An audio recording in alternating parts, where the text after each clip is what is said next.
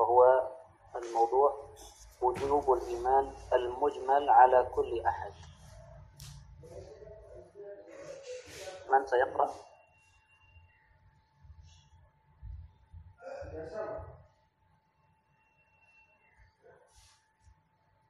أحط الجميع على القراءة قبل قبل دخول الفصل موضوع موضوعين آه، بعد انتهاء من الدرس. من سيقرأ الموضوع بعده؟ وجوب الإيمان المجمل على كل أحد. الأسد الأسد نعم تفضل. آه. الشاشة طيب نحاول بعد قليل. نعم وجوب الإيمان المجمل على كل أحد. آه. ظهر أمسد وجوب الإيمان المجمل على كل أحد. ولا ريب أنه يجب على كل أحد أن يؤمن بما جاء به الرسول. إيمانا عاما مجملا ولا ريب أن معرفة ما جاء به الرسول على التفصيل. على التفصيل فرض على على الكفاية فإن ذلك داخل في تبليغ ما بعث ما بعث الله به رسوله وداخل في تبر وداخل في تبر في تبر تدبر القرآن وعقله وفهمه. وعلم الكتاب والحكمة وحفظ الذكر وحفظ وحفظ وحفظ الثاني الذكر الذكر والدعاء إلى الخير والأمر بالمعروف والنهي عن المنكر والدعاء إلى سبيل الرب بالحكمة والموعظة الحسنة والمجادلة والمجادلة بالتي هي أحسن ونحو ذلك مما أوجبه الله على المؤمنين فهو واجب على الكفاية منهم. واصل. وأما ما بارك الله فيك أجب يا أخي السؤال على ما قد قرأت قبل قليل. نحن اتفقنا على أن آه، ما قد قرأناه نجعله بشكل سؤال على من يجب الإيمان المجمل؟ على من يجب الإيمان المجمل؟ على كل مسلم على كل واحد من المسلمين نعم. على جميع على كل فرد أو على كل أحد. أن يؤمن بما جاء به الرسول صلى الله عليه وسلم إيمانا عاما مجملا هنا قال الشارح ولا ريب أنه يجب على كل أحد أن يؤمن بما جاء به الرسول إيمانا عاما مجملا والسؤال بعده هل يجب على كل أحد معرفة ما جاء به الرسول صلى الله عليه وسلم على وجه تفصيل هل يجب على كل أحد معرفة ما جاء به الرسول على وجه التفصيل لا أستاذ لا. نعم. لا ريب أن معرفة ما جاء به الرسول على وجه التفصيل هنا ليس على كل أحد بل إنما معرفتهم على ما جاء به الرسول آه، صلى الله عليه وسلم على وجه التفصيل إنما هو فرض على الكفاية. آه، وليس فرض عين وإنما فرض على الكفاية. فإن ذلك داخل في تبليغ ما بعثه ما بعث بعث الله به رسوله. هذا كذلك من فرض كفاية. تبليغ ما بعث الله به رسوله وداخل كذلك في تدبر القرآن وعقله وفهمه. فهم القرآن وعقل القرآن وتدبر القرآن هنا فرض على الكفاية هذا الذي ذكره الشارح هنا. وعلى الكتاب وعلم الكتاب والسنة والحكمة وحفظ الذكر والدعاء إلى الخير والأمر بالمعروف والنهي عن المنكر والدعاء إلى سبيل الرب بالحكمة والموعظة الحسنة والمجادلة بالتي هي أحسن ونحو ذلك مما أوجبه الله على المؤمنين. فهذا هو كله واجب على الكفاية منهم. وهو فهو واجب على الكفاية منهم. نعم. حتى الدعوة. هنا الدعاء بمعنى الدعوة. الدعاء إلى سبيل سبيل الله والموعظة الحسنة والجدال والمجادلة بالتي هي أحسن. متى نستخدم أسلوب الحكمة ومتى نستخدم أسلوب الموعظة الحسنة ومتى نستخدم أسلوب المجادلة؟ قال المحقق آه، هنا في الحاشية للإنسان ثلاث أحوال. الإنسان له ثلاثة أحوال. الحالة الأولى إما أن يعرف الإنسان الحق ويعمل به فنسأل الله تعالى أن ويعمل به. وإما أن تكون الطيب الثانية من الناس إما أن يعرف الحق ولكن لا يعمل به لا يعمل به. وهذا خلاف الأول.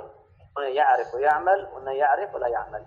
وصنف آخر الثالث من الناس أشد من الثانية والأولى وإما أن يجحده.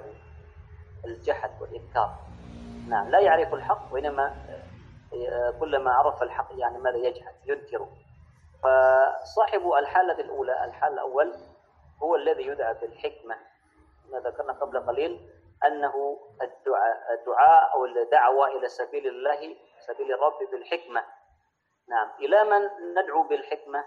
ندعو إلى الصنف الأول من الناس وهو الذي يدعى بالحكمة. فإن الحكمة هي العلم بالحق والعمل به. والنوع الثاني من الناس كما ذكرنا قبل قليل هذا الأول وهذا الثاني من يعرف الحق لكن يخالف نفسه لا يعمل به. يخالف نفسه أي لا يعمل به. فهذا هو فإليهم يعني نوجه الموعظة الحسنة.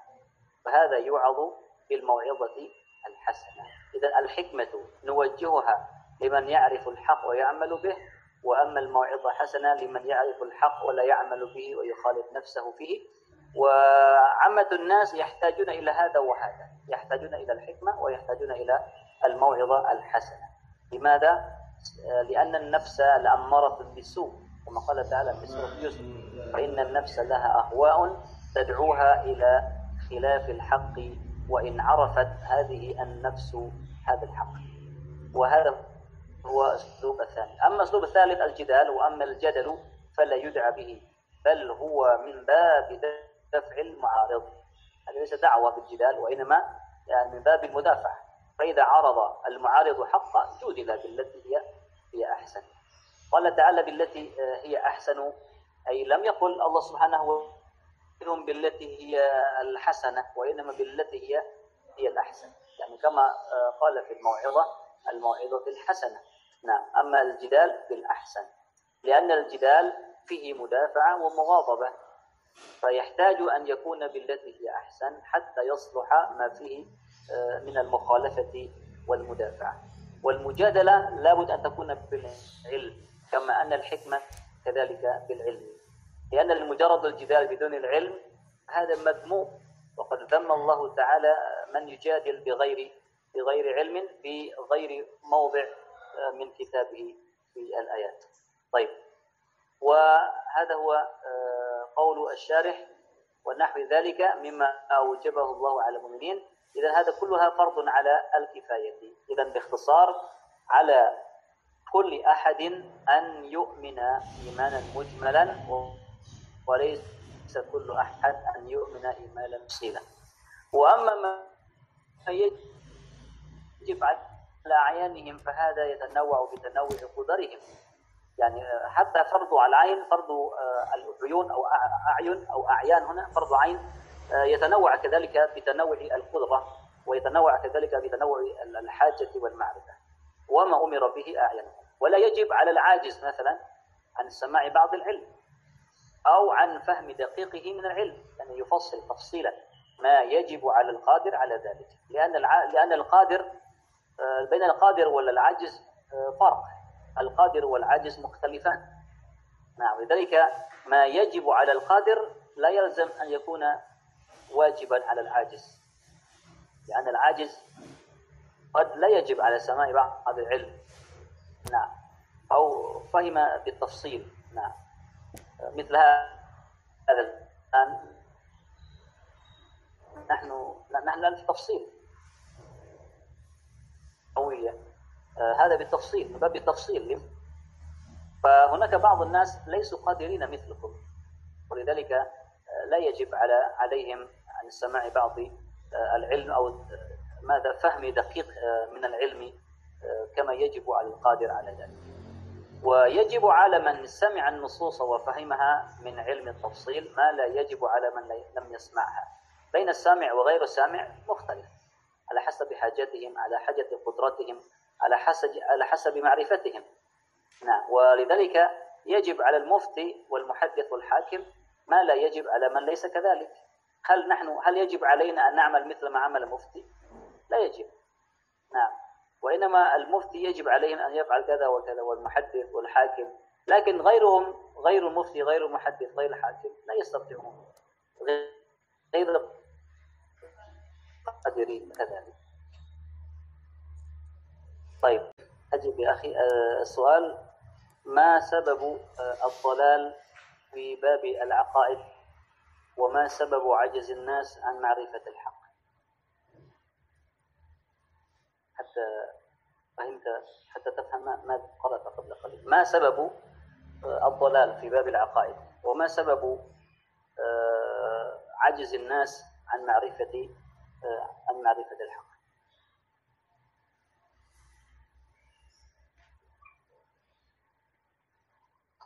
هو تفريط في اتباع ما جاء به الرسول وترك النت واستدلال المسك إلى معرفته طيب أحسنت. نعم صحيح. إذا سبب ضل كثير من الناس في باب العقيدة وإنما تفريطهم في اتباع ما جاء به الرسول صلى الله عليه وسلم كما قال الشارح في هذه المقدمة. وينبغي أن يعرف أن عامة من ضل في هذا الباب أي في باب العقيدة أو عجز فيه أو ضعيف يعني في في العقيدة آه، عن معرفة الحق عن معرفة الحق. والسبب هنا هو ماذا؟ فإنما هو لتفريطه التفريط يعني يفرطون ويقصرون ولا يهتمون كثيرا ويقصرون في اتباع آه، ما جاء به الرسول صلى الله عليه وسلم. هذا أولا. ثم ثانيا أنهم يتركون النظر والاستدلال الموصل إلى معرفة ذلك. نعم يعني أعرضوا فلما أعرضوا آه، عن كتاب الله تعالى ضلوا. يعني أن من يريد معرفة هذا الدين معرفة هذا الدين الإسلامي فدون آه، الطريق الموصل إليه يعني دون الدليل الصحيح ودون العلم فإنهم آه، ضلوا ضلالا مبينا. كما قال تعالى فإما يأتينكم مني هدى فمن اتبع هداي فلا يضل ولا يشقى. ومن أعرض عن ذكري فإن له معيشة ضنكا. من أعرض عن القرآن فإن حياته حياة ضيقا آه، ليست فيها سعادة. ونحشره يوم القيامة أعمى لا يبصر. قال رب يعني يوم القيامة قال رب لما حشرتني أعمى؟ وقد كنت بصيرا في الدنيا. قال كذلك أتتك آياتنا فنسيتها وكذلك اليوم تنسى. الجزاء من جنس العمل. كما كنت في الدنيا تنسى هذه الموعظة هذا القرآن فإنك اليوم تنسى.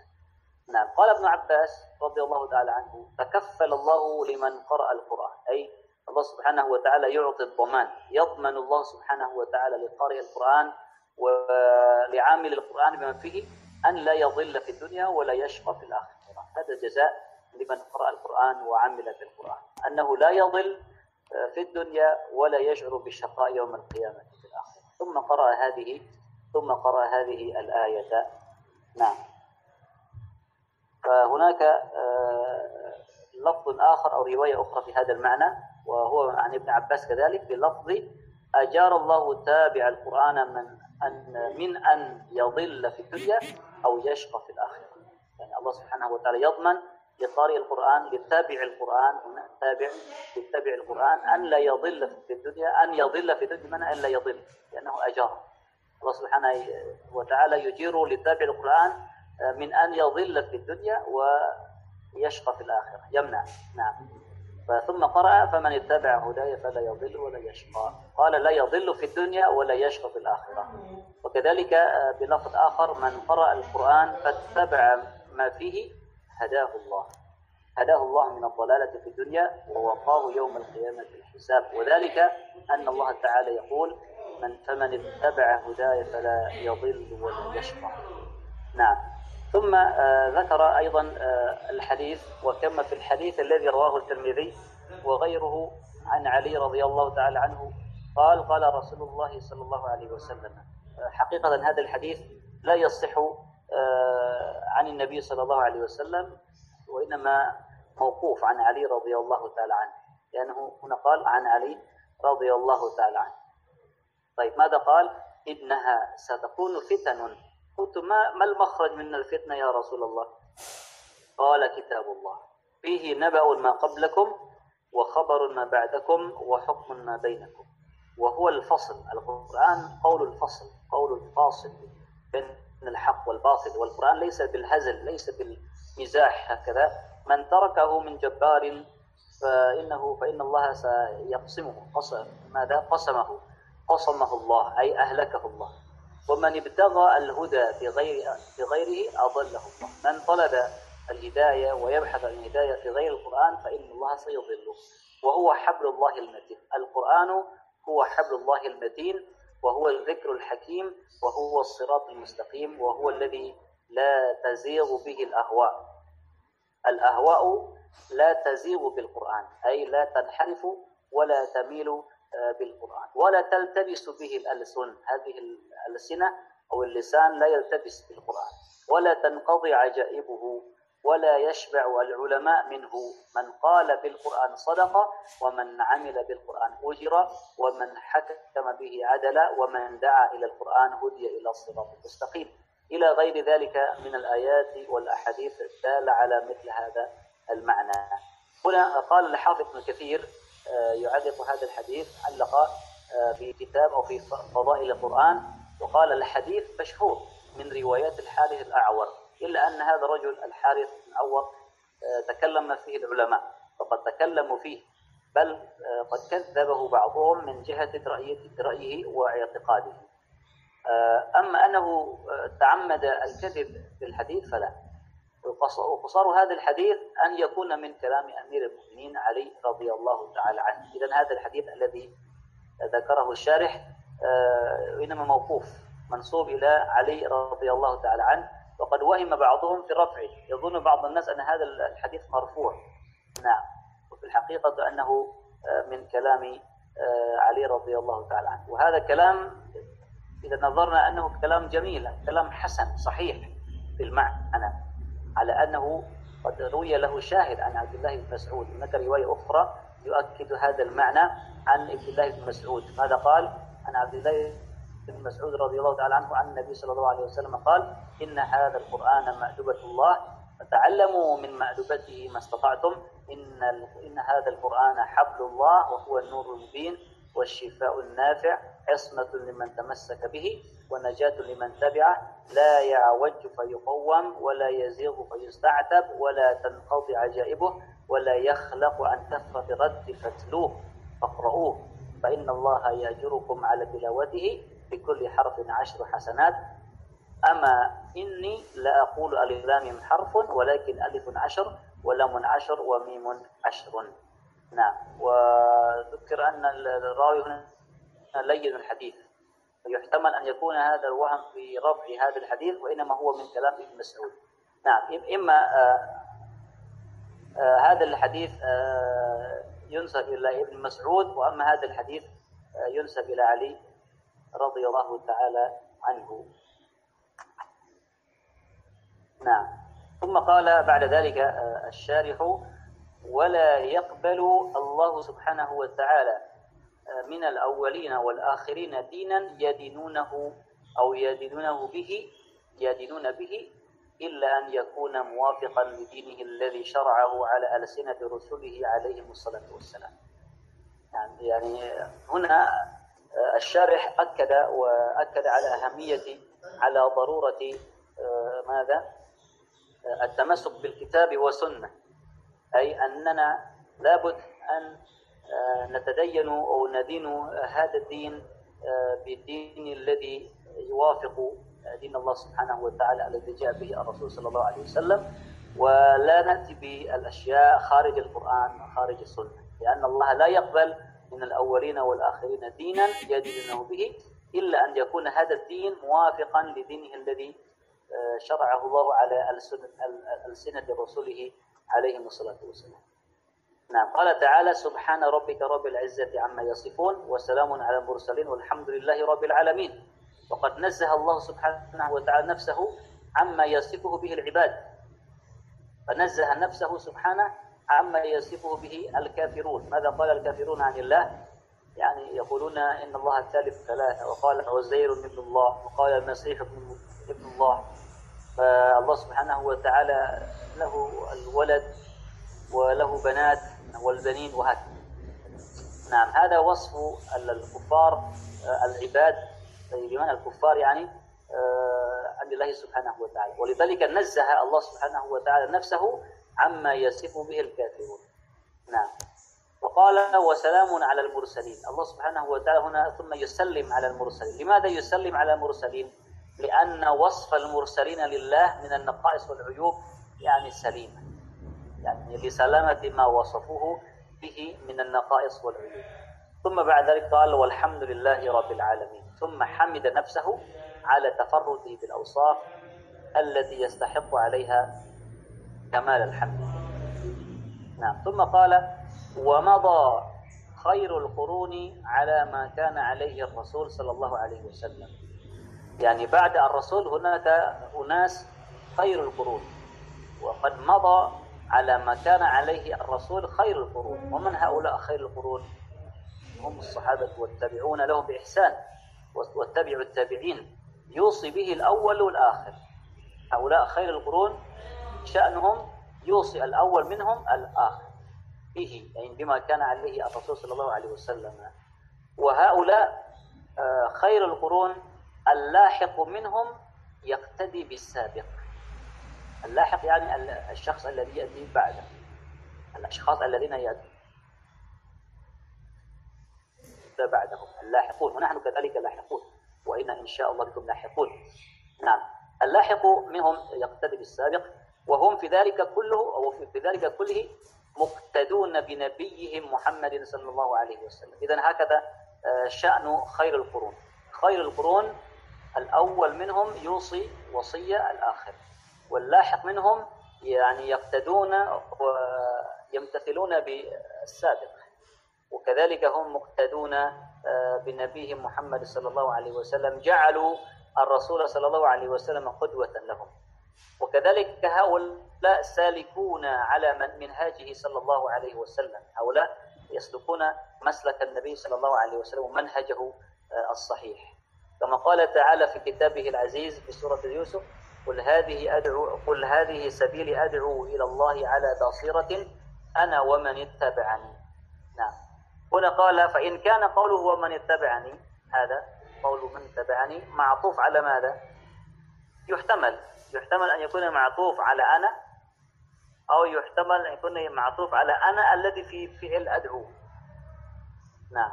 يعني آه، إذا قلنا أنه معطوف على ضمير أنا في في فعل أدعو فهو دليل على أن أتباعه هم الدعاء إلى الله سبحانه وتعالى. هذا يدل على أن الصحابة هم أهل أهل دعوة إلى الله هم دعاة إلى الله سبحانه وتعالى. لأنه قال هنا ومن اتبعني والواو عطف وهو معطوف على أدعو.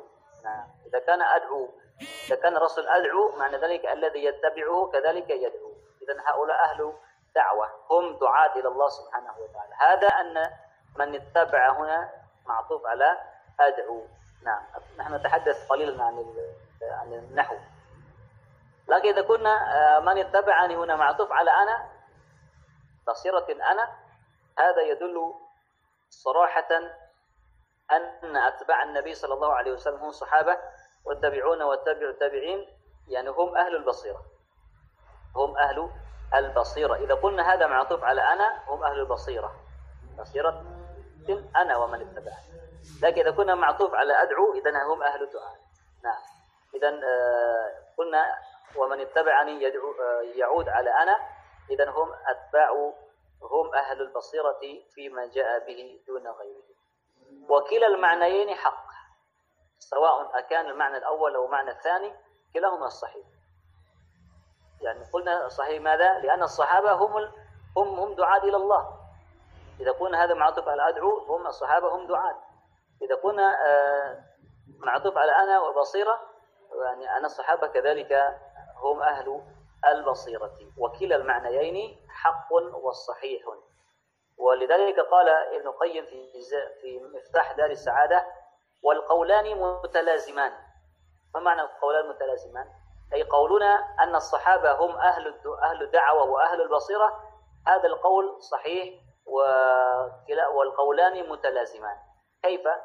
لأنه لا يكون الرجل من أتباع من أتباعه حقا حتى يدعو إلى ما دعا إليه. يعني صاحب الحق سيدعو إلى الحق. وصاحب الحق الذي سيدعو إلى الحق لابد أن يكون على بصيرة. وعكس الصحيح صاحب البصيرة لابد أن يدعو إلى إلى الحق. وهكذا. إذا القولان متلازمان. نعم. وضح الحجة للمستبصرين. وسلك سبيله خير القرون الرسول صلى الله عليه وسلم قد بلغ رسالته وأدى الأمانة ونصح الأمة وجهد في الله حق جهاده حتى آه، تركنا على محجة البيضاء ليلها كنهارها لا يزيغ عنها إلا هذه فصلوات الله وسلامه عليه. وأوضح الحجة للمستبصرين وقد بين للأمة هذه هذا الإسلام وسلك سبيله خير القرون من الصحابة والتابعين والتابعين التابعين. ثم خلف من بعدهم فخلف من بعدهم خلف اتبعوا الشهوات. يعني اتبعوا أهواءهم فسوف يلقون غيا نعم ولذلك ماذا؟ وافترقوا. الناس يفترقون. بعد القرون المفضلة يفترقون. آه هذه الأمة افترقوا على فرق. نعم. لكن مع ذلك كله فإن الله سبحانه وتعالى أقام لهذه الأمة على افتراقهم الذي يحفظ عليها أصول دينها. دائما في كل زمان الله سبحانه وتعالى سيرسل آه، الطائفة المنصورة. الطائفة المنصور الذي الذين يحفظون آه، هذا الدين أصوله أصول دينه كما أخبر بذلك الرسول الصادق المصدوق صلى الله عليه وسلم بقوله لا تزال طائفة من أمتي ظاهرين على الحق لا يضرهم من خذلهم. لا تزال طائفة لا تزال يعني مستمرة دائما. لا تتوقف. أي دائما أن الله سبحانه وتعالى سيرسل هذه الطائفة دائما ظاهرين على الحق. ظاهرين على الحق. مهما اختلفت الناس اختلف الناس اختلفت الأمة على فرق فإن الله سيبعث الطائفة المنصورة ظاهرين على الحق دائما لا يضرهم من خذلهم. نعم ربما نتساءل من هؤلاء يا ترى آه هذه آه الطائفة المنصورة؟ أهي طائفة معينة؟ هي جماعة معينة من المسلمين؟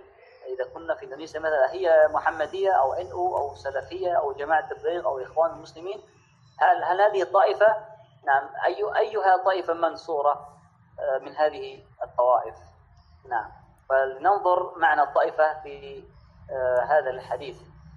المقصود بالطائفة هنا ليست يعني جماعة من الجماعة فقط بل قال الإمام البخاري عن هذه آه، عن هذا الحديث قال أما هذه الطائفة فقال البخاري في صحيحه في صحيحه هم أهل العلم.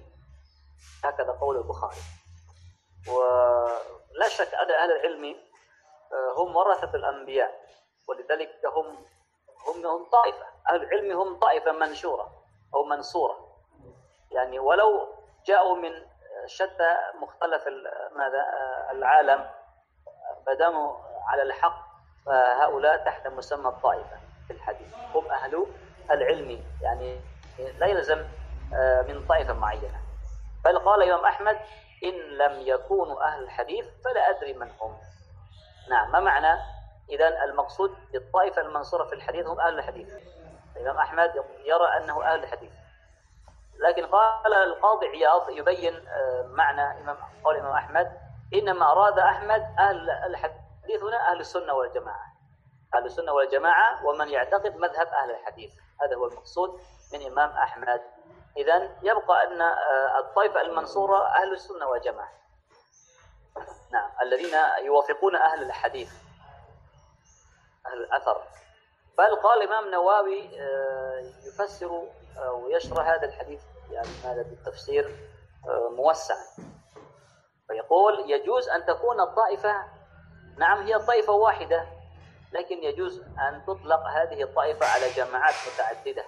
إذا لا يلزم من جماعة واحدة فقط وإنما من جماعة متعددة من أنواع آه، المؤمنين.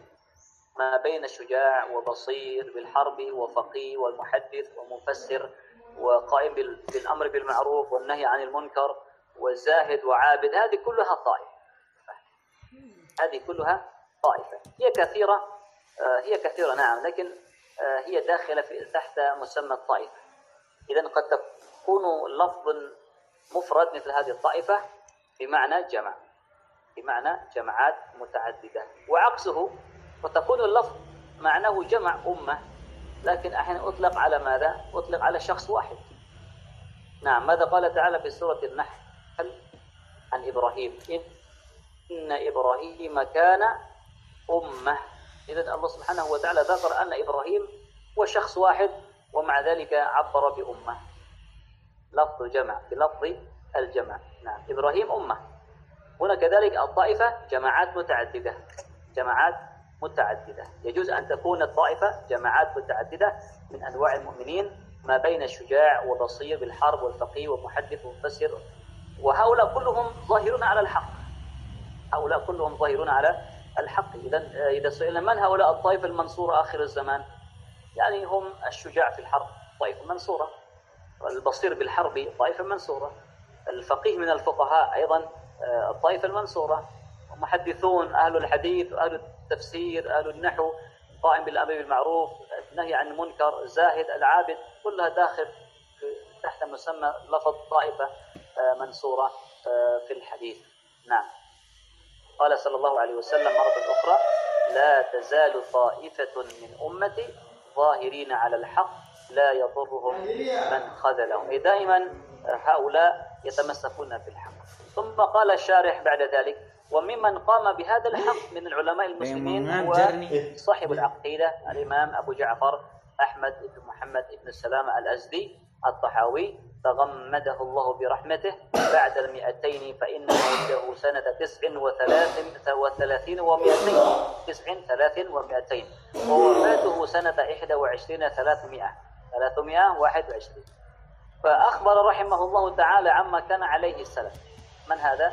فأخبر الإمام أبو جعفر عما كان قال الإمام أبو جعفر عن الإمام أبي حنيفة النعمان بن ثابت الكوفي وصاحبيه أبي يوسف يعقوب بن إبراهيم الحميري الأنصاري ومحمد بن الحسن الشيباني رضي الله تعالى عنهم ما كانوا يعتقدونه من أصول الدين ويدينون به رب العالمين.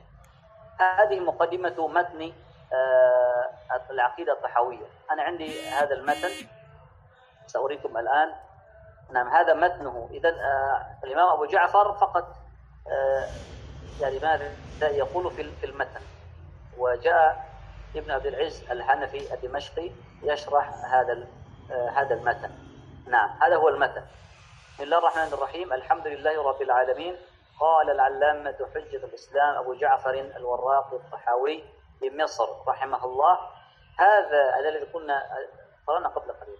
هذا ذكر بيان عقيدة أهل السنة والجماعة على مذهب فقهاء الملة أبي حنيفة النعمان بن ثابت الكوفي وأبي يوسف يعقوب بن إبراهيم الأنصاري وأبي عبد الله محمد بن الحسن الشيباني رضوان الله عليهم أجمعين وما يعتقدون من أصول الدين ويدينون به رب العالمين. ما أصول عقيدتهم؟ أبو جعفر الطحاوي وأبو حنيفة وصحبيه يقولون نقول بتوحيد الله معتقدين بتوفيق الله إن الله واحد لا شريك له ولا شيء مثله. ولا شيء يعجزه ولا إله غيره. قديم بلا ابتداء دائم بلا انتهاء لا يفنى ولا يبيد. إلى آخر هذه كلها نقاط آه، المهمة في مسائل العقيدة. آه، وذكر إمام أبو جعفر الطحاوي تقريبا إلى 100 100 وزيادة. نعم هذا كله متن. وأما الكتاب الذي معنا هذا هو الشرح لكل هذه النقطة. إذا نحن لم لم ندخل إلى الآن لم ندخل إلى هذا. نقول في توحيد الله معتقدين بتوفيق الله إن الله واحد لا شريك له. ما زلنا في المقدمة لنفهم آه، متن هذه العقيدة. نعم. أين سنجد آه، أين سنجد هذا الكلام؟ نقول في توحيد الله في الكتاب في الصفحة 21 في الصفحة 21 إذا نحن آه، لم نصل إلى هذا. نحن ما زلنا في الصفحة كم؟ 13 نعم نحن. ما زلنا في صفحة 13 نعم. عندما عندما وصلنا إلى إذا وصلنا إلى صفحة 21 سنجد هذا المتن الأول. نعم. انظر هذا المتن 21 صفحة 21